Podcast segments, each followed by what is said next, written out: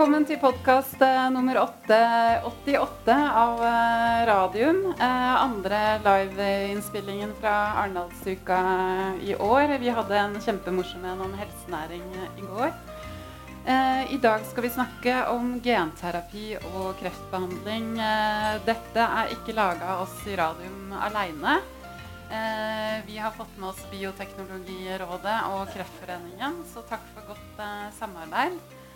Eh, neste time nå så skal vi snakke med fagfolk og politikere om dette. Det er et viktig tema. Eh, Jonas Einarsson, eh, partner in crime.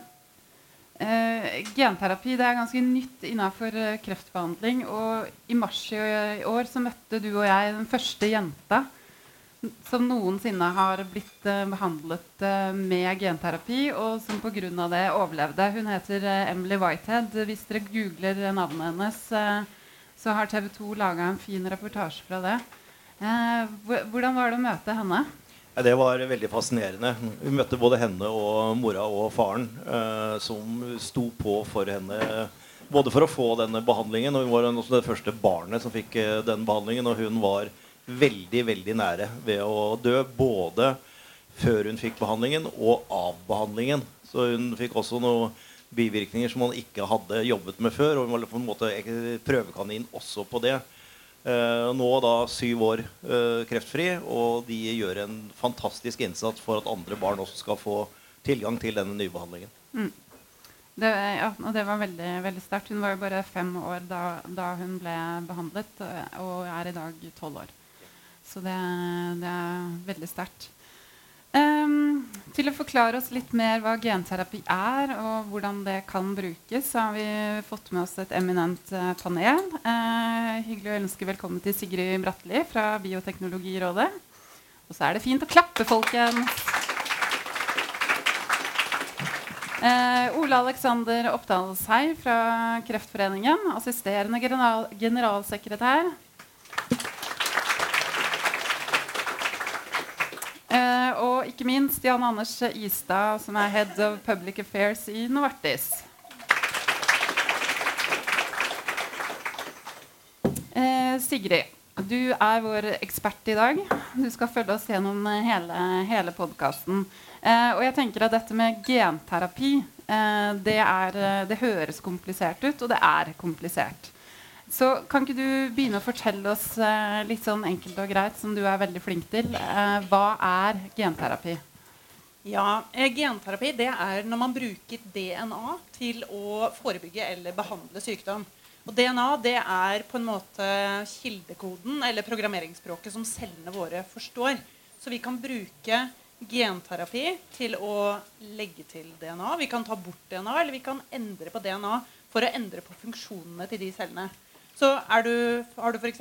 vært uheldig i det genetiske lotteriet og fått en feil i kildekoden i dine celler som gjør at du blir syk, så kan vi bruke genterapi til å reparere eller erstatte den funksjonen.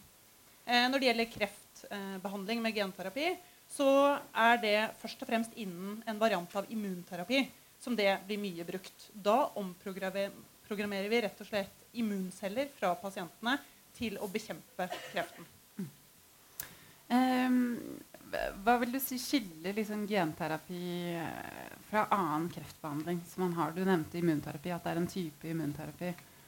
Ja, altså De fleste her vet jo antagelig hva immunterapi er. At vi da eh, overtaler immuncellene til å angripe kreften. Men de immunterapiene vi har hatt så langt, de er ganske uspesifikke. Du gir en medisin som virker veldig bredt på alle immunceller, og eh, også andre celler. Og de gir på en måte bare én funksjon. Mens med genterapi så kan vi legge til mange funksjoner i de immuncellene. Og vi kan eh, ta bort ting som vi ikke ønsker der, for å eh, minske bivirkninger f.eks. Og det kan også eh, skrus av og på i tid, f.eks. at vi kan kontrollere det mye bedre. Så dette er en eh, neste generasjons immunterapi. Ja, mer ja. skreddersøm for mm. pasienten. Vi bruker jo også pasientens egne celler eh, som blir programmert. Så den er jo persontilpasset. Mm. Det er ikke noen gener fra andre steder som blir satt inn eller tatt bort? Nei, men altså, Man legger jo til funksjoner som gjør mm. at eh, de immuncellene kan gjenkjenne akkurat den kreften du har. da. Mm. Mm. Um, det fins vel på markedet i dag er det to godkjente genterapier på kreft. Uh, men hva kommer framover? Ja, det, Vi ser jo at dette her er en eksplosiv utvikling. Vi, vi, i Bioteknologirådet vi er også involvert i det byråkratiske systemet som får se disse genterapisøknadene.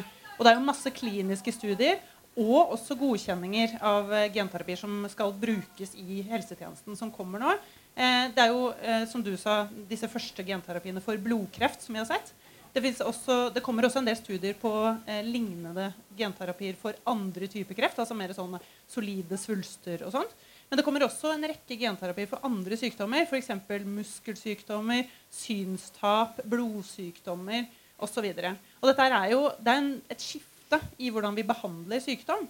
For vi går i større grad bort fra symptomlindring og langtidsbehandling for en del sykdommer eh, til en potensielt en kur, en engangskur for en del av disse sykdommene. Mm. Ja, for det vil si da at Hvis du blir behandlet med en genterapi, så er du på en måte frisk? I mange tilfeller så vil du i, for alle praktiske formål være det. Mm. Eh, og så er det ikke fullt så enkelt alltid. Mange vil bli vesentlig bedre, men ikke helt kurert. Så det, det er forskjellige grader av ø, effekt på disse her. Og det er jo noe vi skal komme tilbake til også med utfordringer med dette. Mm. Eh, Jan Anders, du jobber da i Novartis, eh, som sto bak den første godkjente kreftbehandlingen eh, basert på genterapi. Eh, den ble også godkjent i Norge i desember eh, i fjor. Og Emily, som vi pratet om eh, her innledningsvis, hun, hun, var jo da behandlet med denne genterapien. Um, den, er, den, er, litt norsk, for den baserer seg på en oppfinnelse fra 70-tallet som heter Ugelstad-kuler, som gjør noe veldig spesifikt med celler. Uh, og så er den også testet ut på både barn og voksne før den ble godkjent her i Norge. Men kan ikke du fortelle litt mer om, om den behandlingen? Hvilke kreftformer blir den brukt mot osv.? Takk, det kan jeg gjøre. Eh, bare sånn kort. Jeg leste en New England Journal eh, Review i sommer. Der må de siste tre årene virkelig kommet genterapier. Det er kommet seks. Uh, to av disse er på kreft, og det er to CAR-T-behandlinger. Og en av de er vår. Og CAR-T, uh, hva betyr det? Uh, T-en betyr T-celle. T-cellen er en del av en hvit blodcelle som er en del av immunsystemet vårt i blodet. Og dette med CAR det betyr kimær antigen reseptor. Og det, denne teknologien, hvordan den fungerer, da, det er jo sånn at du, du starter på cellelaben på Radiumhospitalet. Du filtrerer ut disse T-cellene. Det sendes til laben vår, hvor de genetisk reprogrammeres.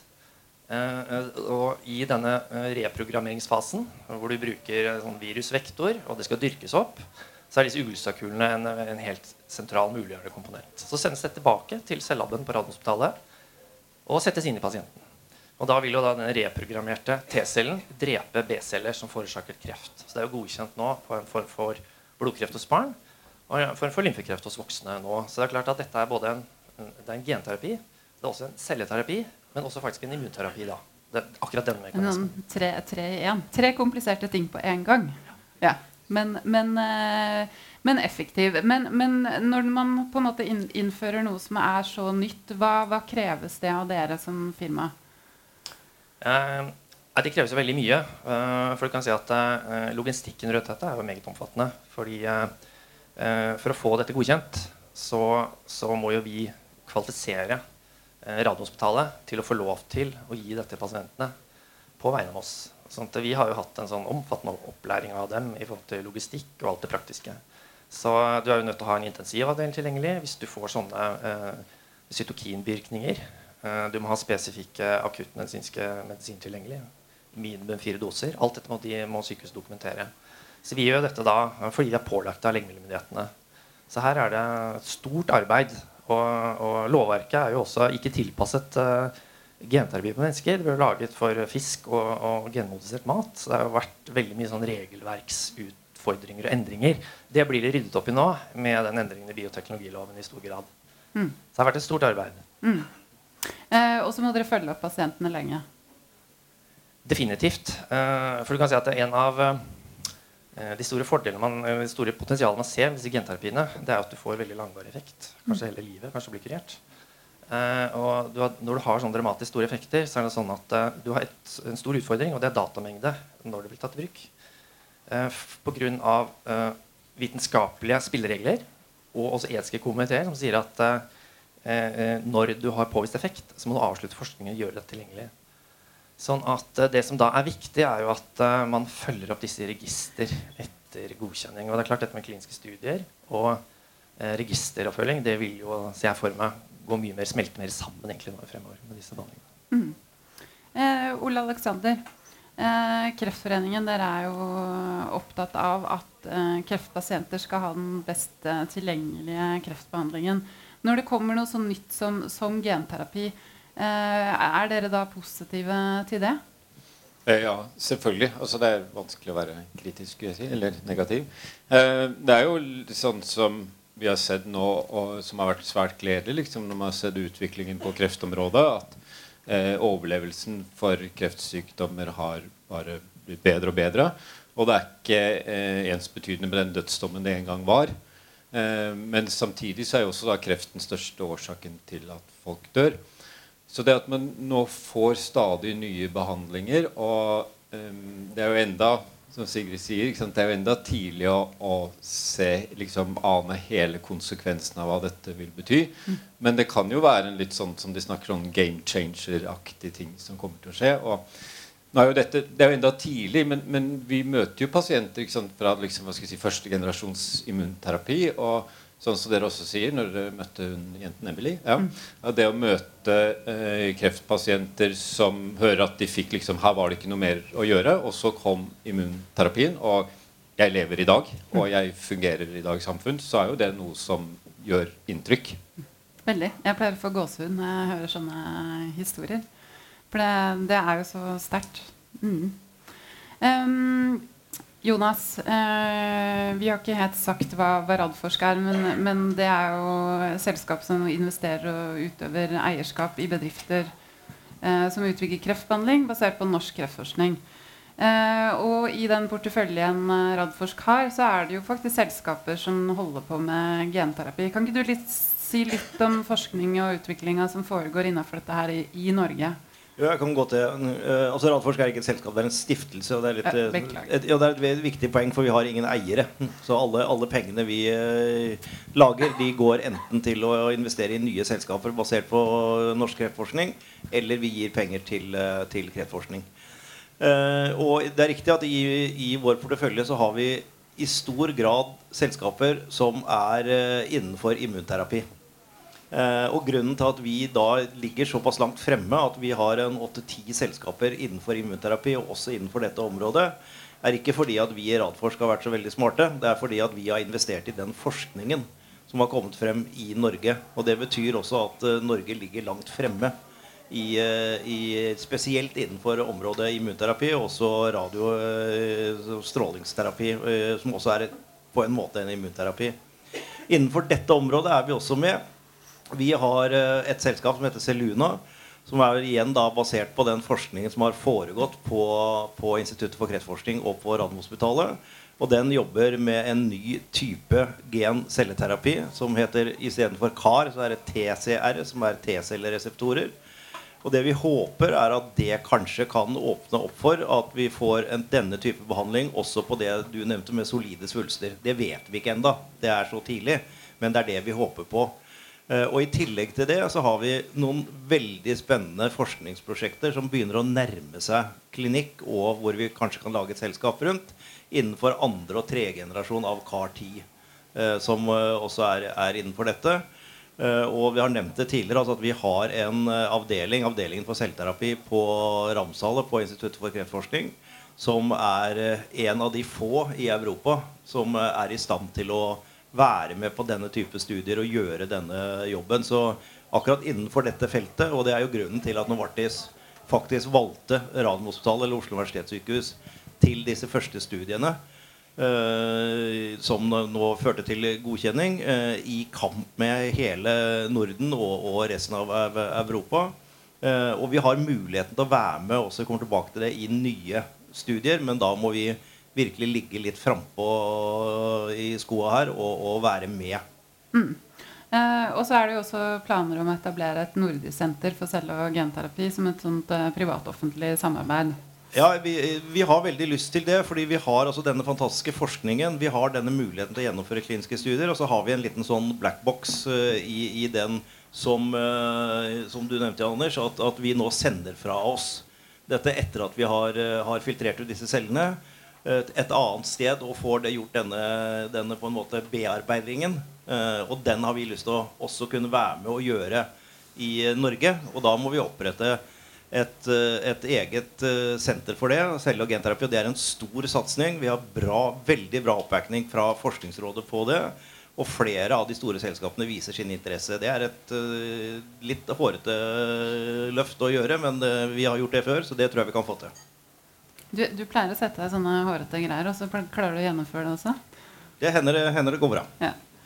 Um, ut fra det vi har snakket om nå, så, så ser man jo det at uh, genterapi Som du sier, Sigurd, vi er i starten. Det, det er på en måte, kan være en revolusjon. Uh, ting kan kanskje skje fort. Kommer masse nye behandlinger. Um, og, det, det, og, det, er en krevende behandling. Det er ikke noe, du får ikke én pille så kan du, eller ta den hjemme. Men du må være på sykehuset. Omstendelig prosess. Men den er effektiv. Um, hva er, hva, hvis dere tre kan, også du Jonas, være med å spille litt rundt, hva, hva er de største utfordringene med genterapi? Jeg kan begynne med deg, Sigrid. Ja, ja det, det, er litt forskjellige ting. Det, det, ene er jo det tekniske. Altså Vi har fortsatt litt sånn noviser på det her, så vi lærer jo stadig mer om hvordan disse verktøyene kan brukes best mulig. Også for å få ned risikoen. For det har jo også blitt nevnt her at det er jo fortsatt alvorlige bivirkninger knytta til disse behandlingene. Og så er det dette med infrastruktur. altså det å ha et, et, et godt, en god fasilitet for å kunne gjennomføre den type behandlinger, som krever noe helt annet av helsetjenesten enn det tradisjonelt har gjort. Og så er det også et problem med kapasitet. For disse her behandlingene er de skal jo lages on the spot til hver pasient. Og det å klare å levere eh, et stort volum, det vil også bli en eh, utfordring. Er det, er, det, en form for ferskvare? Ja, egentlig er det en form for ferskvare. Mm. Du kan si Det er jo noen av de, de enda generasjonsbehandlingene som kanskje blir mer off the shelf. altså At du kan få en universalbehandling. og Det kan du også gjøre med genteknologi. Du kan ta bort alt det som gjør det pasientspesifikt, og kanskje få til en sånn. Men det er enda litt lenger fram i tid. Og det er mange fordeler med å gjøre det personspesifikt og tilpasset den individuelle pasienten. Eh, så det er logistikkutfordringer. Men det er også systemutfordringer i forhold til f.eks. helseøkonomi. Eh, for dette her er jo en helt annen måte å behandle pasienter på. Det er ikke noe du betaler for eh, gjentagende ganger resten av livet. Det blir potensielt en engangssum. Og det vi ser eksempler på nå, er at de engangssummene blir veldig høye. Altså Disse CAR-T-behandlingene har jo på en måte vært først ut. Eh, de har jo millionbeløp, de også. Men de neste i rekka, altså f.eks. For, for muskelsykdom, der snakker vi nesten 20 millioner kroner for en behandling. Og hvordan helsetjenestene skal klare å ta inn det i eh, bærekraftige eh, rammer, det, det, er jeg litt usikker på. Mm. Ole Alexander? Eh, jeg tenker to ting. Én ting er jo egentlig dette med som alltid når det kommer noe nytt. Dette kan være så veldig fantastisk og, og, fint, og det tror vi det er. Men det er alltid noe å hva skal vi si, ikke overselge ting ja. i en tidlig fase. For vi ser jo liksom veldig mange kreftpasienter vil komme og si ja, men ja, kan jeg bruke dette? Er dette noe for meg? Hvorfor får ikke jeg det? Og så, så, vet man kanskje ikke nok, eller kanskje så har man ikke funnet ut at det har noe effekt for den diagnosen eller den sykdomsgruppen. Så greier hele tiden å balansere dette snakker vi mye om i Kreftforeningen, liksom den entusiasmen over at her er det noe nytt, og vi skal liksom juble, men samtidig som vi må på en måte informere på en god måte. Mm. Vi skal ikke gi falske forhåpninger heller på noe som ikke er reelt, i hvert fall på helt kort sikt. da. Mm. Så det er én ting. Og så andre biten så tror jeg også det Vi ser jo det vi i Kreftforeningen har jo fulgt veldig tett den debatten som har vært noen år, og som er nå, knyttet til, til prioriteringer i, i, helsevesenet. og altså Den helseøkonomiske biten her. og jeg tror jo, ikke sant, dette, jo, dette, gjelder jo ikke bare kreftområdet, det gjelder alle andre sykdomsområder, og det skjer veldig mye. Og jeg tror denne debatten som utfordrer litt også politikerne som kommer etter hvert, altså dette med hvordan skal helsevesenet vårt se ut i om fem, om ti år, når det kommer mye. Vi er veldig stolte av dette. Vi ønsker det universelle helsevesen. Det vil alltid være noen som kan kjøpe seg bedre behandling et eller annet sted, men vi Kreftforeningen vi er jo opptatt av liksom at liksom det som gis til folk flest, skal være godt, og at man også skal ta del i den utviklingen som kommer. Så det er klart at det kommer til å bli en utfordring her. Mm. Ja, for det utfordrer jo hele systemet i forhold til å tenke helseøkonomi. Ja. ja. Og vi må være villige til å vise fleksibilitet. Ikke sant? Og her er det en stor diskusjon ikke sant? vi har i forhold til Beslutningsforum, offentlige instanser, vi har priser fra industrien osv. Så, videre. så jeg husker Jonas sa en gang at vi må ikke være så opptatt av å fordele skyld, vi må heller finne løsninger. Ja. Eh, og jeg tror det blir veldig viktig her hvis vi skal sørge for at dette faktisk skal bli en del av det offentlige helsetjenestetilbudet. Jan Anders. Ja, jeg to kommentarer til det. Jeg er veldig enig med det dere sier. Det første går på dette med som jeg nevnte også, det viktigste ikke sant? det er pasientsikkerheten. Og det går på dette med datamengde. Fordi effektene er så dramatisk store, så har du veldig få pasienter over veldig kort tid før dette blir tatt i bruk. Eh, og da vil etisk komité si at det er uetisk å forske videre. Vitenskapelige prinsipper sier at nå må forskningen stoppe, nå må vi ta dette i bruk. Så du har et datamengdeproblem, og vi er nødt til å følge dette registeret videre. Og vi har jo også pålegg på oss å følge dette i 15 år fremover. Og Det er også en mulighetsperspektiv ikke sant, for norske registermiljøer å, å, bli en del av dette her. Fordi vi sitter jo i Basel, og så skal vi ha godkjenning i Europa og USA.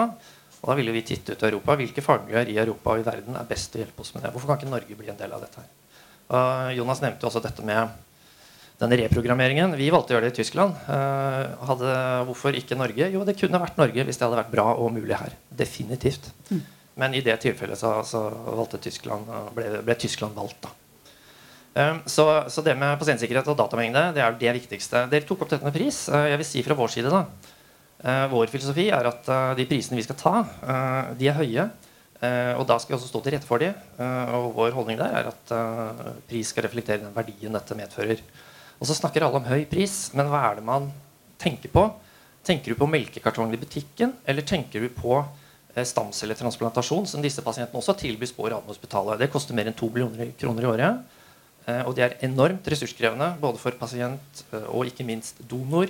Hele familien. Eh, så det er klart at Når man da ser denne prisen, man ser hva er alternativbruken av disse akkurat de samme pengene. Og, og tilfellet ser man jo også på sånn som spinal muskelatrofi, som har vært mye diskutert. Så er det jo sånn at Brukerstyrt personlig assistent for disse koster 3 millioner kroner i året. Det er en regning som sykehusdirektøren ikke ser og ikke tar hensyn til. Men det er klart, vi må jo se på uh, pengesekken. Det er Norges pengesekk. Og vi må ikke bli fanget i disse siloene. Helsevesen og velferdstjenester og annet. Det, det er veldig viktig. Ja, Det er vel det vi snakket om. At det rett og slett utfordrer systemet i forhold til hvordan du tenker eh, helseøkonomi. Innkjøpssystemet er gammeldags og overhodet ikke på en måte bredt på møte akkurat dette med sånne engangsbehandlinger med enormt stor verdi og høy pris. Mm. Ole Alexander, du hadde en uh, kommentar? Jeg, kom på en ting til jeg også må huske å si, som også gjelder litt sånn i forhold til hvordan man driver sykehus. og hvordan man driver, ikke sant? I dag så har man jo ofte sånn tradisjonelt hatt et sånt skille mellom at der driver man forskning, og der driver man behandling. At dette vil jo også medføre mye større grad at um, altså, man samler kunnskap gjennom behandling av den enkelte pasient, så man på en måte må bryte ned disse barrierene. Det er jo ofte liksom ulike avdelinger, ulike budsjetter, ulike lovverk som regulerer pasientbehandling og, og forskning. og nå må man, på en måte, man må se dette i sammenheng hvis man skal få dette til å lykkes. Mm. Sigrid? Ja, vi, vi, ser jo det at Genterapi det er liksom en ny måte å behandle på. Og det utfordrer også de regelverkene vi har i dag. Det er mange regelverk som slår inn på dette. Eh, det er legemiddellovgivning, det er helseforskningslovgivning, vi har bioteknologiloven, og så har vi også genteknologiloven. Og eh, dette her kan til dels bli ganske uoversiktlig for eh, de, som, de, aktørene som skal inn på dette området. Og det å tilby god informasjon til dem, veiledning underveis, og også eh, sørge for at vi har et regelverk som på en måte sørger for at dette utvikles på en god måte og en mm. forsvarlig måte, mm. det blir viktig. Hvor, hvor, mange lovgivninger var inne her, sa du? Ja, jeg, var det fem? Jeg, jeg fire, telle, fire nå, men i tillegg så er det jo EU-regelverket på toppen. Altså, ja. Det er jo mange ting eh, som er i spill her. Ja. Eh, så du, du, bør ha med deg en jurist? med andre ord. Du bør ha med deg en jurist. Og I tillegg så er det forskjeller da, mellom det norske og det internasjonale regelverket, som også kan gjøre det litt krevende. Eh, også Særlig for kliniske studier som skal inn i Norge. Hvorvidt eh, de legges til Norge eller ikke, det vil også ha noe å si for de som, altså sponsorene. Ja. Men eh, er det noen grunn til at det er noen særnorske regler her? Er vi annerledes enn eh, EU? Eh, vi har jo en, en, tanke om at vi skal være harmonisert med EU. Og vi legger oss jo ofte på en EU-linje. Men vi har også egne norske regelverk som da Noen ting gjør at det slår litt annerledes ut. Eh, og blant annet har vi dette GMO, eller genteknologiloven, som da egentlig er beregnet på å regulere mat, men som også da slår inn på medisinsk bruk av den teknologien. Eh, Jeg forklarer hvordan slår det ut. Blir du en GMO hvis du er behandlet med en Nei, du blir ikke en GMO, Nei. men du bærer med deg GMO. Fordi Ja. de cellene som er omprogrammert, som vi har snakket om, de er i juridisk forstand å forstå som genmodifisert organisme. Så så fort den pasienten forlater sykehuset, så tar du med deg en GMO ut. Og da skal okay. det også reguleres som utsetting av GMO. Ja. Eh, og det er litt problematisk i forhold til en klinisk studie man har lyst til å legge til Norge nå, er det ikke det? Jo, det er én klinisk studie som, som har støtt på dette. Det, det er jo da en tilleggsregulering i Norge som da eh, de som står bak studien, eh, ikke har vært klar over. Fordi det også har vært ikke så god informasjon på det området om hvilke regelverk som gjelder. Så da, ja, da blir jo det en komplikasjon i forhold til den godkjenningsprosessen. Og da er det jo uklart om den studien kommer til Norge. Ja. Det er jo ikke bra når man ønsker flere kliniske studier i Norge.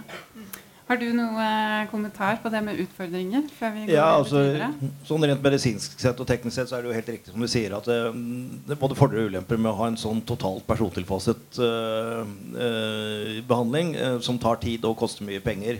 Men vi er på vei kanskje mot en annen, annen måte å gjøre det på. Men den store utfordringen er, ligger jo også i dette vi snakker om, nemlig om helseøkonomi og dette med, med reguleringer. Og det man ikke har tatt inn over seg eh, i stor nok grad altså Bent Høie har uttalt flere anledninger at vi er, har ikke vært forberedt på persontilpasset medisin i Norge. Og det har han helt rett i. Og nå blir det enda mer persontilpasset og enda mer spesielt. Og vi er overhodet ikke forberedt på det, verken når det gjelder det helseøkonomiske eller det regulatoriske. Og nå er det viktig å løfte blikket litt og se at dette kommer. Dette er kommet for å bli. Nå må vi finne gode løsninger på dette og ikke fortsette å krangle. Jeg hørte tidligere i dag direktøren i SLV som diskuterte i forhold til dette med prissetting.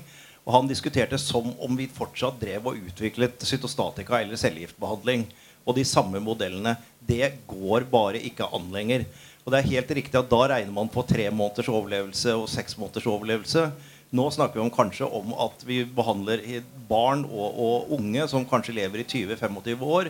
Hvordan skal, eller enda lenger, hvordan skal vi regne det inn helseøkonomisk?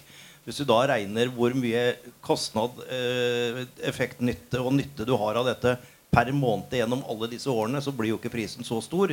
Og du betaler altså en engangssum. Men vi er ikke forberedt på det, og det, denne utfordringen bør politikerne ta. Og kanskje vi trenger Jeg ser, sitter og ser på tre unge politikere her nå. Kanskje vi tre, rett og slett trenger en ny generasjon av politikere som tør å se fremover og løse disse problemene. Det var en virkelig politisk appell du kom med her. Benytta sjansen selv. Ja. Em, jeg har to korte spørsmål uh, igjen, for tiden begynner å gå litt. Så jeg bare slår de sammen. Uh, de største fordelene med genterapi, uh, hva er det? Og sånn som dere ser det i Norge nå, er, kan man på en måte både gjøre kliniske studier og behandle mennesker med genterapi på en god måte, sånn som det er nå? Begynn med deg igjen, Sigrid. Ja, jeg, jeg tror at særlig på kreftområdet så har Norge gode forutsetninger for å være med på denne raske utviklingen. Vi ser jo sånn som Jonas har nevnt, altså en del av disse miljøene særlig knyttet til Rikshospitalet og Radiumhospitalet, som er fremoverlente, og som forstår teknologien, og som vet hva som skal til. Når det gjelder en del andre sykdomsområder, så, så ser vi jo det, det, det skjer noen ting, men de er ikke i front på det. Så det å bygge kompetanse, f.eks., både i befolkningen, som Ole Alexander var inne på, men også i helsetjenesten, og ta høyde for det i utdanning, eh, når dette her er på en måte en av de store teknologiene for fremtiden, og, og rigge oss godt for det. Ja, må være litt føre var. Ja. Ole Alexander.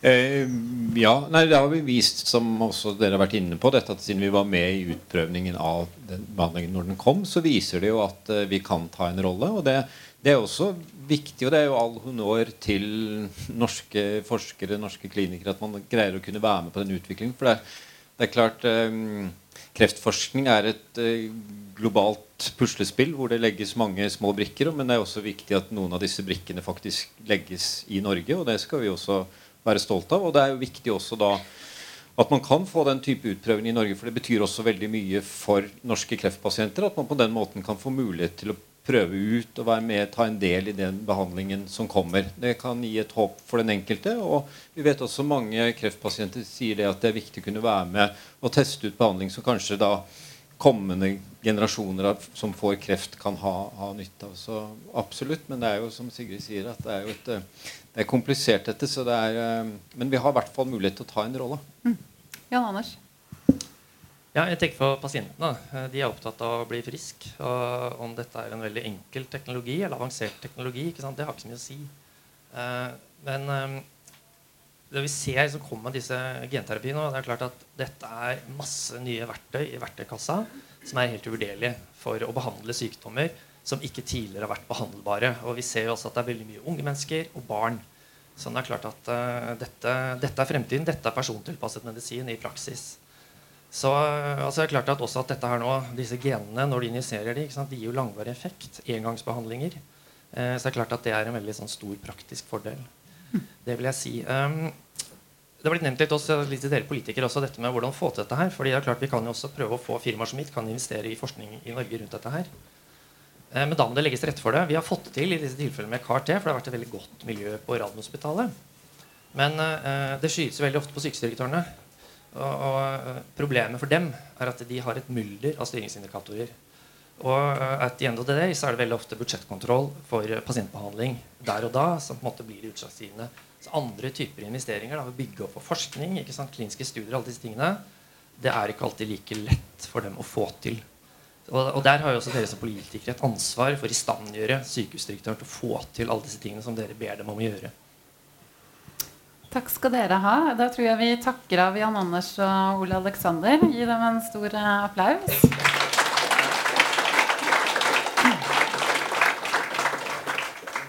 Sigrid, du blir med oss eh, videre som vår eh, ekspert, som vi kan lene oss på. Eh, nå har det vært så mye politisk frieri her at det er veldig hyggelig å ønske velkommen til politikerne. Ikke bare snakke om dem, men snakke med dem. Eh, Sveinung Rotevatn, statssekretær i Klima- og miljødepartementet og for Venstre. Vær så god.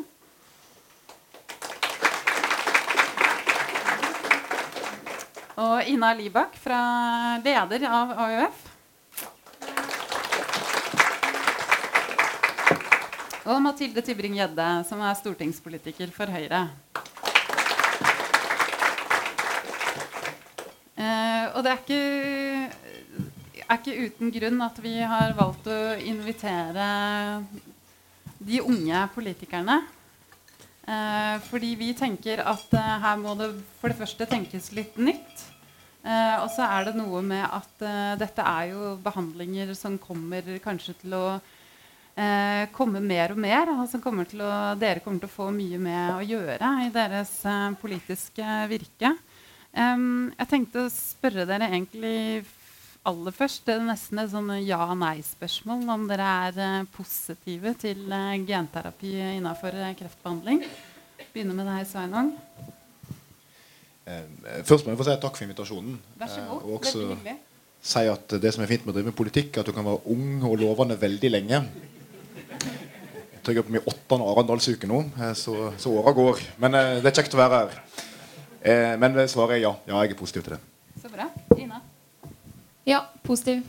Flott. Mathilde? Ja, det er vanskelig å være noe annet enn positiv. vil jeg si. Det var, det var bare sånn kontrollspørsmål. Men, men da, da, har jeg egentlig lyst til å ta det samme spørsmålsrunden med dere som vi tok til uh, det andre panelet. Så hvis vi kan egentlig begynne litt med utfordringene. Hva ser du av utfordringer, uh, Sveinung? Um, altså når det gjelder altså, genterapi på, altså på, på, somatiske celler og på syke uh, menneske så ser jeg ikke noen sånn voldsomme etiske utfordringer med det, egentlig. Um, men det er jo en rekke utfordringer der som det er med veldig mange andre behandlingsmetoder. Som um, handler om kostnader, så klart. Um, hvem skal få tilgang til dette her? Uh, hvor mye skal vi ta oss råd til? Uh, og det vi inne på med slutten med Hva er det egentlig en belønner helseforetakene for å prioritere? og slike ting. Det er en utfordring. Um, og så er det jo uh, selvsagt en utfordring her som med andre behandlingsmetoder at altså, fare for komplikasjoner. Uh, dette kan jo selvfølgelig være risikofylt hvis en gjør det på feil måte. og alt det der. Så, så det er sikkert en rekke utfordringer. Eh, at de skiller seg så radikalt og prinsipielt fra andre behandlingsmetoder, eh, sliter jeg litt med å se, eh, må jeg innrømme. Eh, men eh, det, det, er mulig folk kan masse mer om det eh, enn meg. Mm. Ina? Ja, tusen takk. Eh, Jeg har også lyst til å si takk for å være her. Veldig lærerikt. Vi driver med politikk, men her står vi jo liksom med utrolig flinke fagfolk, så det er spennende, spennende å høre.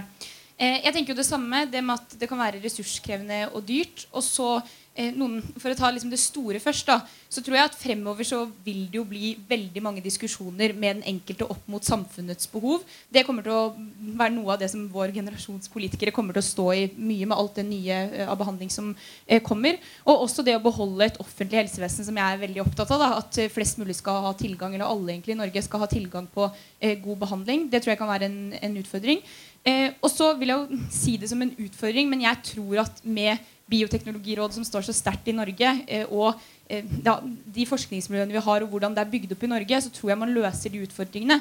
Men det er jo viktig at man sørger for at det ikke blir uetisk behandling, og at man ser konsekvenser og alle de tingene. Men som sagt, ja, det er en utfordring som jeg tror vi er godt i stand til å løse her, her i Norge. Mathilde? Jeg har bare lyst til å starte med å si måte, hva som er positivt i første omgang. Da, fordi det er fint å nevne det også. Og det er jo at med mer, med mer persontilpasset eh, behandlinger så eh, vil man jo nettopp da kunne at flere kan både leve med kreften i stedet for å dø av kreften. Og i tillegg så ser man at det har hatt særlig god effekt foreløpig hos eh, unge folk og barn med visse leukemityper. Så det er klart at det er, det utgangspunktet må vi jo være glad for at vi, har, at vi er i gang med å utvikle. Så det er klart at jeg er også bekymret for kostnadene. ikke sant? Vi har ikke et system i dag. Beslutningsforum har nå fått beskjed om å egentlig vurdere litt annen måte å vurdere disse nye behandlingene på. Nettopp for det er engangsbehandlinger eh, som eh, går til visse mennesker, og ikke store grupper. Eh, men eh, jeg vil jo likevel si at det, vi må huske at i dag så har vi ganske kostnadskrevende behandlinger som veldig mange har, når vi vet at det hjelper for ganske få. Så mer persontilpasset behandling vil jo også mener jeg, kunne være mer treffsikkert også enn de kostnadskrevende behandlingene vi har eh, ellers. Ellers er det mange utfordringer jeg kunne nevnt, men eh, vil du at jeg skal nevne det? Eller skal vi Kjør på. ja, da gjør jeg det. Ja. Eh, Fått lov av ordstyrer. Det ene er selvfølgelig kompetanse og kapasitet. Altså laboratorium, testkapasitet, som helseregionene må, må bygge ut. Eh, Det er klart, som nevnt, også Beslutningsforum og måten de vurderer eh, nye behandlinger på. De har jo en veldig krevende rolle. Det kommer til å være mer og mer krevende. Vi har nå noen prioritering, prioriteringsretningslinjer som politikerne har bestemt for egentlig sånn, hva vi skal ta inn i den offentlige helsetjenesten. Og dette vil være en, eh, åpenbart en utfordring, og særlig fordi vi ikke vet langtidseffektene heller av de eh, engangsbehandlingene. Og så er det eh, et annet viktig poeng, som er tilgang til kliniske studier. Eh, og hvordan vi skal sikre at vi får mer forskningsaktivitet, og særlig infrastrukturen på plass, som er veldig krevende for denne type behandling. Så det er mange spørsmål her, så det er mye vi må ta tak i. Så det er bra du har invitert oss unge, inkludert Sveinung. Inkludert Sveinung. Eh, men da må jeg også høre med Ina og Sveinung dette med fordelene. For det er neste, neste spørsmål. Kan begynne med deg, Ina. Ja, altså Den, den største fordelen og den åpenbare fordelen er jo at folk kan leve lenger, og de kan leve med kreften. Og det er liksom ja, det, det er jo så viktig for mennesker at det er jo nesten umulig å si hvor viktig det er for den enkelte. Så jeg vil si det som en sånn Hvis vi som politikere har mulighet til å gi folk eh, mulighet til å leve lenger liv, så, det, så, så teller jo det utrolig høyt. Fordi det er jo det viktigste vi har alle sammen. Jeg vil kanskje si at I tillegg til de åpenbare fordelene eh, med å hjelpe syke folk, eh, som åpenbart er, er målet her, eh, så vil jeg kanskje også slå et slag for, for eh, det å tilegne seg ny kunnskap, at det har en verdi i seg sjøl. Det å utvikle et fagfelt og lære mer om dette her eh, kan åpne opp mange nye muligheter som vi i dag ikke engang har tenkt på. Sikkert noen skumle muligheter, men også noen fantastiske muligheter. Så det å utvikle kompetanse innenfor et fagfelt som det her, mener jeg har en verdi i seg sjøl òg, i tillegg til selvsagt verdien for den enkelte pasient. Hadde du en kommentar, eh, Jonas? Ja, jeg tror det er en, en viktig skillelinje her med, med, i forhold til immunterapi og genterapi. Eh, tidligere altså Jeg pleier å holde et halvtimes foredrag om dette, så jeg ikke gjør det nå. Men eh, opp gjennom hele menneskets historie så har vi skåret bort det vi ser av svulster og andre ting. Så kirurgi har vært der hele tiden. Stråleterapien eh, kom tidlig på 1900-tallet. Og kjemoterapien kom eh, rundt eh, mellom første og andre verdenskrig. Alle de måtene å behandle kreft på gikk ut på å drepe kreftceller. Kreften er fienden. Vi må angripe den utenifra og innenifra og drepe kreftceller. Eh, det vi gjør nå, er at vi behandler et immunsystem som har gitt tapt. Ikke tapt, men har kommet i feil balanse i forhold til alt det som skjer i kroppen med feil celledelinger. Så vi reparerer immunsystemet istedenfor å drepe kreftceller. Og det er en helt ny måte å tenke på, og gjøre og behandle eh, denne sykdommen på. Og da må vi se at det er en helt ny verden å tenke på nytt. Som om vi nå plutselig har begynt å behandle kreft i motsetning til hvordan vi gjorde tidligere, bare å drepe kreftceller, så er det immunforsvaret vi reparerer og hjelper. Og da gjelder det både alt med regulering, med prising, med, altså med hele tankesettet må gjøres om. Og, og, det er litt vanskelig å få til i enkelte deler av systemet. Mm. Sigrid? Ja, nei, jeg bare tenkte jeg skulle legge til at Siden vi er her og snakker med dere, så er jo helsenæringsaspektet også ja. ganske viktig. For dette er jo et område som går veldig raskt. Og vi ser jo sånn globalt så, så er i dag så er dette gen- og celleterapimarkedet verdt rundt sånn 8-10 milliarder dollar. Og det skal jo vokse med uh, omtrent en tredjedel over de neste tre-fire årene.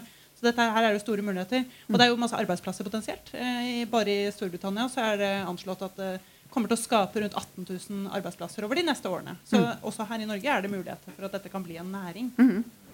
Sveinung, hva tenker du om det med liksom næringspotensialet, hvis vi beveger oss litt bort fra liksom behandlingen, men over ditt? Det er opplagt kjempespennende, og jeg tror at vi um, Veldig mange i Norge er fryktelig vant til å tenke at næring det er utvinning av naturressurser. Punktum. Du må, du må, ha et stort industrielt anlegg som skal drive med enten oljeraffinering eller lage aluminium. Eller så må du ut og fange fisk. ikke sant? Men um, det her er jo et åpenbart stort eh, og allerede egentlig eksplosiv vekst eh, eh, som sysselsetter som næringsutvikler i veldig mange land. og det er jo ikke noe sånn småtteri. ikke sant? Altså, hvis du f.eks. spør den gjengse mann på gata hva, hva tror du er Nordens mest verdifulle selskap, ikke sant? så vil sikkert mange tenke ja, det er sikkert Equinor. da, eller noe sånt. Og hvis du forteller at Novo Nordisk, mm. ja, som er dansk, er Nordens mest verdifulle selskap, så har ikke de hørt om det engang. Som driver med utvikling av legemidler. Eh, så her tror jeg at eh, det er mange spennende initiativ i Norge. for så vidt. Det er mange som driver, driver, bra business i dag. Men vi ligger nok likevel litt etter der vi kunne vært, tror jeg. Så potensialet er definitivt til stede. Mm. Men er det et potensial du tenker at uh, dere i Venstre har lyst til å gå for? Hvor proaktive ønsker dere å være der? Ja, um, opplagt uh, så vil vi gå for det. Men spørsmålet er hva betyr det? da? Ikke sant? Altså, det er ikke sikkert at vi skal inn med et eller annet stort statlig investeringsselskap her, tror jeg. Um, men uh, eh, f.eks. det å sørge for at regelverket er um, moderne nok, ja, liberalt nok til at det er mulig å drive forskning for eksempel, uh, og utvikling, er veldig viktig. Um, og utvikle kompetansemiljø som er i stand til å uh, utvikle dette videre. Og selvfølgelig som det ellers er, at du har generelle gode rammevilkår både for å tiltrekke deg kompetanse, studieplasser, ph.d.-er eh, og et skatte- og avgiftssystem som oppmuntrer til at du eh, driver business. Ja. Mathilde, du ba om ordet. Ja, eh, jeg tenkte litt på Medisinsk forskning er jo per definisjon internasjonal. Og så er spørsmålet hva er det vi har kanskje av fortrinn i Norge da, innenfor dette, dette feltet. Et eh, klart fortrinn er jo at vi har eh, ganske gode personidentifiserbare registre. Altså vi har kreftregistre, vi har tilgang til data, som er veldig viktig, særlig for denne type behandling. Så Det er en infrastruktur som vi i stor grad har på plass.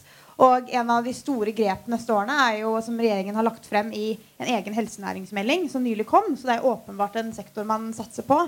Det er jo å etablere en helseanalyseplattform.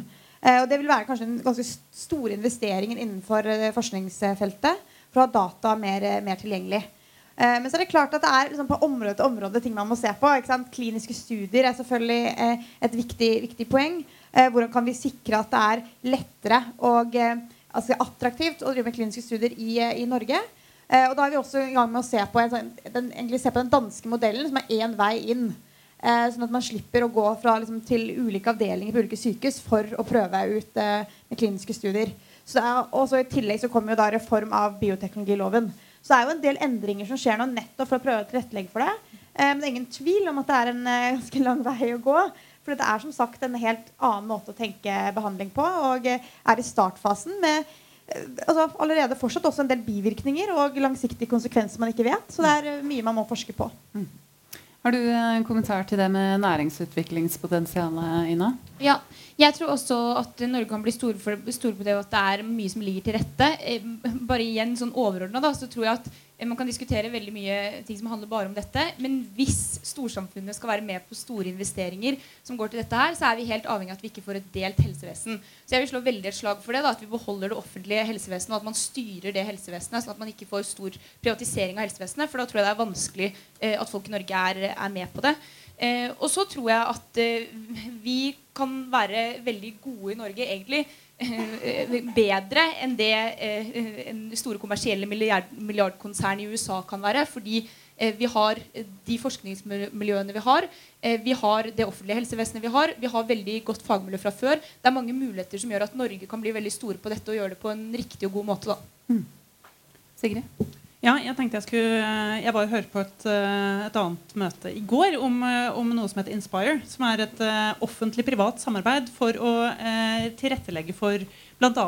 kunnskapsinnhenting i etterkant. Og det er jo på genterapi noe som er utrolig viktig. Det ble nevnt her tidligere at langtidseffekten av disse behandlingene det vet vi faktisk ikke ennå, fordi det er ganske nytt eh, for en del av disse sykdommene. Hvis man da går fem år og så får tilbakefall av sykdommen, så har man egentlig betalt for en livslang kur. Så er det relevant informasjon også for myndighetene i vurderingen av om dette er eh, kostnadseffektivt nok. Eksempel. mm. Så det at eh, det offentlige og det private samarbeider om å samle inn data, også potensielt å tenke nye økonomiske modeller for hvordan man kan finansiere dette. Om, det kan, om man kan dele risiko, om, om, industrien også er villig til, til å, å, strekke seg. Noen vurderer jo sånn eh, pengene tilbake-garanti dersom du eh, ikke er frisk eh, lenger enn så. Eh, så det er, det er, mange måter man kan tenke nytt på her, og at man i større grad samarbeider. Mm. Vi hadde jo en podkast om, om helsenæring i går med ganske mange aktører. Jeg hadde bl.a. med oss eh, Anne Kjersti Fallvik, som er områdedirektør for teknologi og næringsliv. Eh, og hennes klare budskap eh, var egentlig at nå må vi slutte å prate. For vi prater så mye om hva som ikke fungerer, og hva vi kanskje bør gjøre. Men så virker det som om altså, vi kommer oss ikke videre. Eh, hva tenker dere om det? For dere, dere lister jo opp veldig mye ting her nå som hvis man hadde endret på dette, så hadde det jo virkelig skutt fart på, på helsenæringen. Så når, når, skal man slutte å prate og begynne å sette fart? Mathilde? Nå har man jo kommet med en helsenæringsmelding som nettopp har en rekke tiltak som man allerede er i gang med. Så det, jeg mener jo at man er i gang med mye, men så skal man ikke undervurdere det å prate litt også når det er så store investeringer. Og at man, det, at man prioriterer riktig i helsetjenesten for å sikre at man får da forskningsinfrastrukturen. Men eh, jeg mener jo at det gjøres nå på flere områder ganske store grep. Men alt fra helseanalyseplattform til å nå ha en handlingsplan for kliniske studier, til å øremerke mer, altså ha nye laboratorium, mer testfasiliteter, det å eh, få forskningsinfrastrukturen på plass. Eh, det, være, det, tar jo, altså det tar litt tid, men det er klart at nå er det et push både fra politisk hold, men også i helseregionene til å prioritere dette. Eh, og det at vi nå har slått sammen da, Næringsdepartementet og Helsedepartementet i å samme, altså, ikke tenke silotenkning, men forstå eh, helse, hvordan det kan være en viktig næringsvei for Norge, det tror jeg er et eh, enda viktig skritt for at det prioriteres fremover. Mm. Og neste skritt er å ta med seg Kunnskapsdepartementet. det at Vi skal få lov til å være med, de òg. Ina? Ja, her er jeg veldig enig, og det krever jo offentlige investeringer. Da. Så ja, jeg har ikke så mye mer å si utover det, egentlig. Vi har jo eh, lagt på bordet en ekstra milliard til forskning. Eh, og jeg tror det er jo sånne ting man må gjøre. da, At man må gå litt sånn hardt inn hvis man skal, skal gjøre noe. Sveinung? Ja, altså I tillegg til en del av det som, som ligger i, i helsenæringsmeldinga, så har han jo også tatt noen grep rundt eh, regelverk nå eh, innenfor bioteknologilova, som forhåpentligvis vil forenkle en god del. Eh, og så kunne han i og for seg etter min mening gått et stykke lenger også på noen områder i liberaliserende retning, men slik er, noe, slik er livet. Eh, så det blir jo tatt grep stadig vekk, men en del av dette er jo også politikk. Der det er politisk uenighet på Stortinget, både om hvor langt en skal gå regelverksmessig, eh, finansieringsmodeller for helseforetakene og, og, slike ting. Eh, men eh, det er vel min erfaring fra sånne debatter i Arendalsveka at, at alle som ønsker å få på plass en eller annen næring, gjerne vil at en skal slutte å snakke og begynne å handle, eh, og helst gjøre akkurat sånn som de vil. Ja, ja, men jeg tror eh, litt av bakgrunnen for det er jo sånn som Anne Kjersti og vi også. Vi har jo jobbet i denne bransjen i, i ja, du 20 år, jeg i 15 år. Og det, og det, har vært mye prat. Det er mye møter. Og så er det kjempeflott med, med stortingsmeldingen om helsenæring. Nå er, nå er den ikke vedtatt. Den skal jo vedtas eh, i, i tidlig november. Eh, em, men som vi på en måte har kritisert den, den er en glimrende situasjonsbeskrivelse. Men selve tiltakene som ligger i den, er, de er litt små. Uh, vi, vi, er, vi er nok såpass uh, opptatt og utålmodige at vi gjerne skulle sett at den hadde tatt litt sterkere grep. Ikke, ikke nødvendigvis i form av kroner og ører, men det er mer i form av de tingene man kan gjøre med å få litt fart på næringa i form av rammebetingelser, regelverk som slår merkelig ut, som gjør at ikke du får kliniske studier. De tingene der. Det er ikke alltid kroner og øre. Det er, hva var det du sa på et seminar her om dagen? Det er nok penger i Norge. Det er ikke det som er problemet. Nei, Det er ikke det. Og, og det er heller ikke sånn at vi, når vi har gitt våre innspill til helsenæringsmeldingen, som er veldig positiv, og det har vært en fantastisk god prosess eh, Og du nevnte Kunnskapsdepartementet. Jeg fikk faktisk for noen få dager siden invitasjon til dialogseminar allerede i, eh, i eh, september fra Kunnskapsdepartementet om en av de tingene vi har pekt på, nemlig svakhetene ved selve kommersialiseringsprosessen med å kommersialisere ideer fra akademiske institusjoner TTO-ordningen som jeg var med og laga for 20 år siden, men ikke vært revidert siden. Og det du laga for 20 år siden, det henger ikke helt med hvordan eh, ting er i dag. Det vi ber om, er my mye mer regelverk. Og du, du var inne på dette. Legge, legge rammebetingelser rette for at forskere tør å bli gründere. Uh, opsjonsordninger, beskatning, alt disse tingene her. Enkle grep koster ikke staten fem øre fordi de får sine skattekroner bare når verdiene blir realisert. Uh, Så det er, det er sånne enkle grep. Og dette med kliniske studier også. Det som trengs på infrastruktur Det alle sier, det er vi trenger noen flere studiesykepleiere. Og det Fredrik kan, som sitter her kan si, han har bygd opp en eh, avdeling på Rikshospitalet hvor halvparten av pasientene dine er med i kliniske studier nå. Og, og, og det, det koster ikke noen penger. Fordi du, det du får eh, nye stillinger, det tjener du inn på å gjøre de kliniske studiene. Så det, igjen, det, er, det er bare å, å på en måte sette i gang disse tiltakene. Vi har jobbet i så mange år med dette at vi vet hvor skoen trykker. Og vi, det, det er ikke snakk om å sette opp noe investeringsfond. Det er helt unødvendig. Vi har mer enn nok av privatkapital som vi kan få inn. I tidlig fase har vi veldig gode ordninger gjennom Forskningsrådet bl.a. Så det er å gjøre disse tingene. Men det er faktisk en sense of urgency i dette nå. Fordi vi mister kliniske studier. Og det er ikke noe sånn at vi kan reparere det om to år, og så kommer de kliniske studiene tilbake. For da er det andre som, er, som har de, og da får vi de ikke lenger. Så det er veldig viktig. Og bare siste til dette med todelt helsevesen. Det skal du vite at alle vi som jobber med dette, ønsker et sterkt offentlig helsevesen. Det er det aller beste for oss. Å jobbe med et profesjonelt, sterkt offentlig helsevesen. Vi har et todelt helsevesen i Norge i dag. Men det er de som betaler for det dere krangler om prisen i den perioden. Og de som ikke har råd til å betale, de får ikke den behandlingen. Og de, mange av de dør underveis, mens de som har råd til å betale, de betaler underveis. Så det å få en måte å skaffe tilgang til de nye kreftlegemidlene umiddelbart etter markedsutlatelse, og så får dere finne ut av prismodeller. Her, her var det mye å ta tak i. Sveinung? Nei, men jeg synes her var det mange gode innspill. Jeg. Så jeg vil oppfordre dere til å dra, dra på høring i Stortinget når dere skal ha det. Eh, hvis jeg ikke har hatt det allerede. Nei, Vi har hatt det. Vi har vært det. Okay, bra. bra. Da får vi håpe at jeg noterte godt i komiteen.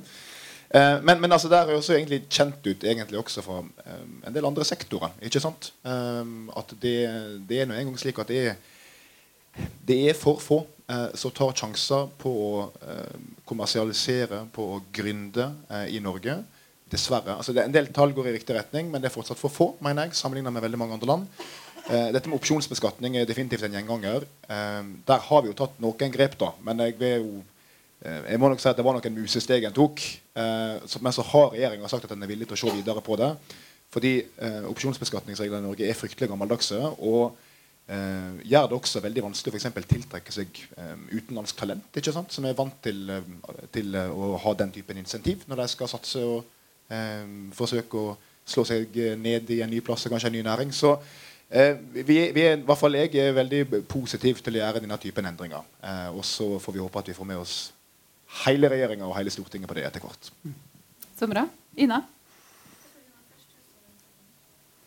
Vær så god. Jeg kan, jeg kan skyte inn. Det, vi har jo på en måte snakka mye nå om hvordan Norge på en måte kan posisjonere seg. Mm. Men det er en ting som er helt sikkert. På det feltet her så går det så fort, og det er så mange muligheter at Norge kan ikke bli best på absolutt alt. Så vi må ha også gode internasjonale samarbeid. Og, eh, både når det gjelder kliniske studier, men også annen type forskning. og eh, systemer som ivaretar sikkerhet samtidig som man kan dele data med andre forskningsmiljøer og sende pasienter til andre miljøer som er gode på én type behandling. Og så kan vi få andre pasienter hit. Det er også en, en mulighet for Norge til å, å, være med på det raske løpet som foregår nå. Mm. Er det da mest nærliggende med et nordisk samarbeid, tenker du? Eller? Ja, Det er jo enklest, kanskje. Det er jo mm. de vi på en måte sammenligner oss mye med når det gjelder systemer, helsevesen, regelverk og alt det der. Men det er jo også eh, andre steder i verden hvor det skjer veldig mye spennende. Og hvor det vil være på en måte, den første tilgangen pasientene vil ha på, på, en del behandlinger. Mange av disse sykdommene er ekstremt sjeldne. Nå snakker vi ikke bare om kreft, vi snakker om arvelige genetiske sykdommer som det er veldig veldig små pasientgrupper. Og vi i Norge kan ikke tilby behandling for alle de. Det vil være andre steder det foregår. Og det har gode systemer for det. Vi i Bioteknologirådet blir oppringt eh, hvert fall ukentlig av pasienter som lurer på hvor kan jeg få tilgang til å være med på denne studien og se at det skjer et eller annet her. Eh, og det å, å måte, sikre at man eh, er med da, i det løpet. Mm. Da, Ina. Ja, tusen takk. Eh, jeg er enig i det. Jeg tror, jeg tror, Norge kan være gode, men at man trenger et sånn nordisk samarbeid. Og, og, også det som var tema i den faglige, faglige, mer faglige debatten, eh, om et sånt nordisk senter. Eh, så er vi positive til det. Også hvis det er offentlig og privat. Så lenge man ivaretar forskningsfriheten og det er bygd på de nordiske prinsippene, så er vi positive til det. For jeg tror det er bra.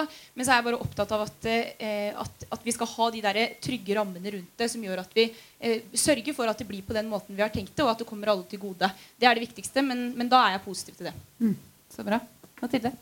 Så Helsenæringsmeldingen var ganske tydelig på at det som er svakhetene, da, hvis vi ser bort fra mange av de fortrinnene vi har i Norge, det er jo hvordan kulturen for å samarbeide offentlig-privat. Så det er jo, Hvis det er noe som ligger i den meldingen, så er det jo en del forslag på det. Og så ser jeg også frem til å få flere konkrete innspill.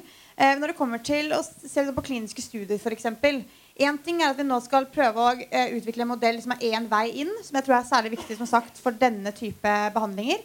Men det neste skrittet det er jo egentlig å se om Norden, som har ganske mange like systemer, om man kunne da etablert en felles arena for kliniske studier og forskning i større grad enn i dag. Eh, og Det tror jeg vil gjøre at vi enda, altså enda så sterkere eh, fremover når endringene skjer så raskt. Mm. Det tror jeg du er eh, helt rett i. Eh, Sigrid Jonas, har dere en siste kommentar før vi går inn for eh, landing? Nei, jeg vil, jeg vil, kanskje bare oppsummere og si at uh, dette her, i likhet med det som har blitt sagt før, dette her er noe som kommer. Uh, uansett om man liker det eller ikke. Eh, det gir store muligheter for å behandle sykdommer som eh, vi tidligere ikke har vært i stand til å behandle i det hele tatt. Eh, det vil kreve en omstilling, både samfunnet og, og, politisk, for å ta dette imot på en god måte. Mm. Men jeg tror at Norge har gode forutsetninger, særlig innen kreftfeltet, for å være med på dette. Mm. Jonas? Ja, dette er fantastisk spennende. Det å, å mm, fått være med på denne, denne, denne reisen fra, fra, 20 år tilbake og, og, frem til i dag, med de mulighetene vi, vi, får nå til å behandle pasienter. og Vi sitter og ser på kurvene våre og overlevelseskurvene og glemmer ikke at hver prikk som, og strek som går bortover, er en pasient som lever. Uh, antagelig og forhåpentligvis pga. den behandlingen vi gir. Det skjer fort, og det kommer til å skje enda fortere. Og vi er nødt til å løfte blikket og se fremover skal, hvordan skal regelverket, hvordan skal vi behandle dette om tre år, og ikke bare henge etter, sånn som vi gjør i dag. Så det å løfte blikket, se fremover og være klar for å ta imot denne revolusjonerende nye behandlingsformen. Har dere Ja, applaus. Bare klapp. ikke stoppe, stoppe applaus. Har dere en siste, siste kommentar? Siste, siste appell? Nå har dere snakka, fra dere. Ja, jeg føler at jeg, at jeg har sagt eh, det meste som er, som er, å si foreløpig. Men det er klart, det begynte med spørsmålet hva vi tenker om dette. Og det er jo ingen tvil om at uh, dette er utrolig, utrolig, spennende, og at forskningen går, uh, går, veldig raskt. Og det betyr at vi får flere verktøy i verktøykassa i kreftbehandlingen. Og er det, altså, ting jeg tror også mange, mange, nordmenn har et veldig liksom, nært forhold til, så er det det å kunne bekjempe, bekjempe kreften. Og i hvert fall kunne leve med kreften. For jeg tror de aller fleste kjenner noen eller har opplevd det selv. Så dette her, eh, det står veldig sterkt, og derfor tror jeg også det er et viktig område å prioritere. Mm.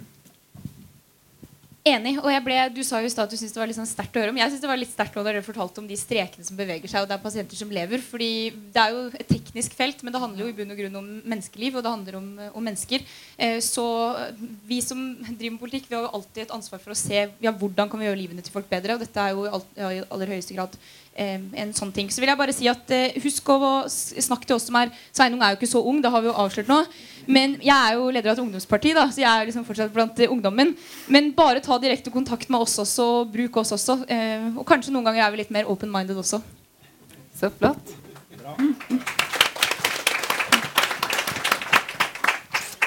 Sveinung, den er ikke fullt så unge for det siste Ja, ordet. ja.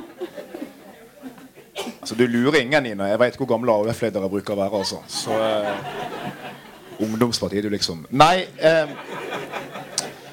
nei Jeg tror til sist vil jeg si at um, når vi har politiske debatter om genterapi, og spesielt og genteknologi generelt, så bruker de veldig ofte å ende opp i sånn diskusjoner om liksom, sorteringssamfunn og supermenneske og det der greiene der. Og jeg mener at jeg var litt forberedt på det når jeg kom hit i dag. Og det har vi ikke diskutert, og det syns jeg er veldig bra. Fordi det her handler om så masse mer enn det, og ting som det rent etisk bør være mulig å være ganske enige om er fornuftig. Og så får en heller diskutere på det detaljene rundt utvikling av næringsklynger og finansiering og skatteregler og slike ting. Eh, og da tror jeg faktisk vi stort sett har det samme målet, eh, alle sammen. Flott. Det tror jeg vi lar bli siste ordet, for det var så bra. Tusen takk for at eh, dere kom, og takk for at dere kom og hørte på, de som fulgte på streamen også. Takk for nå.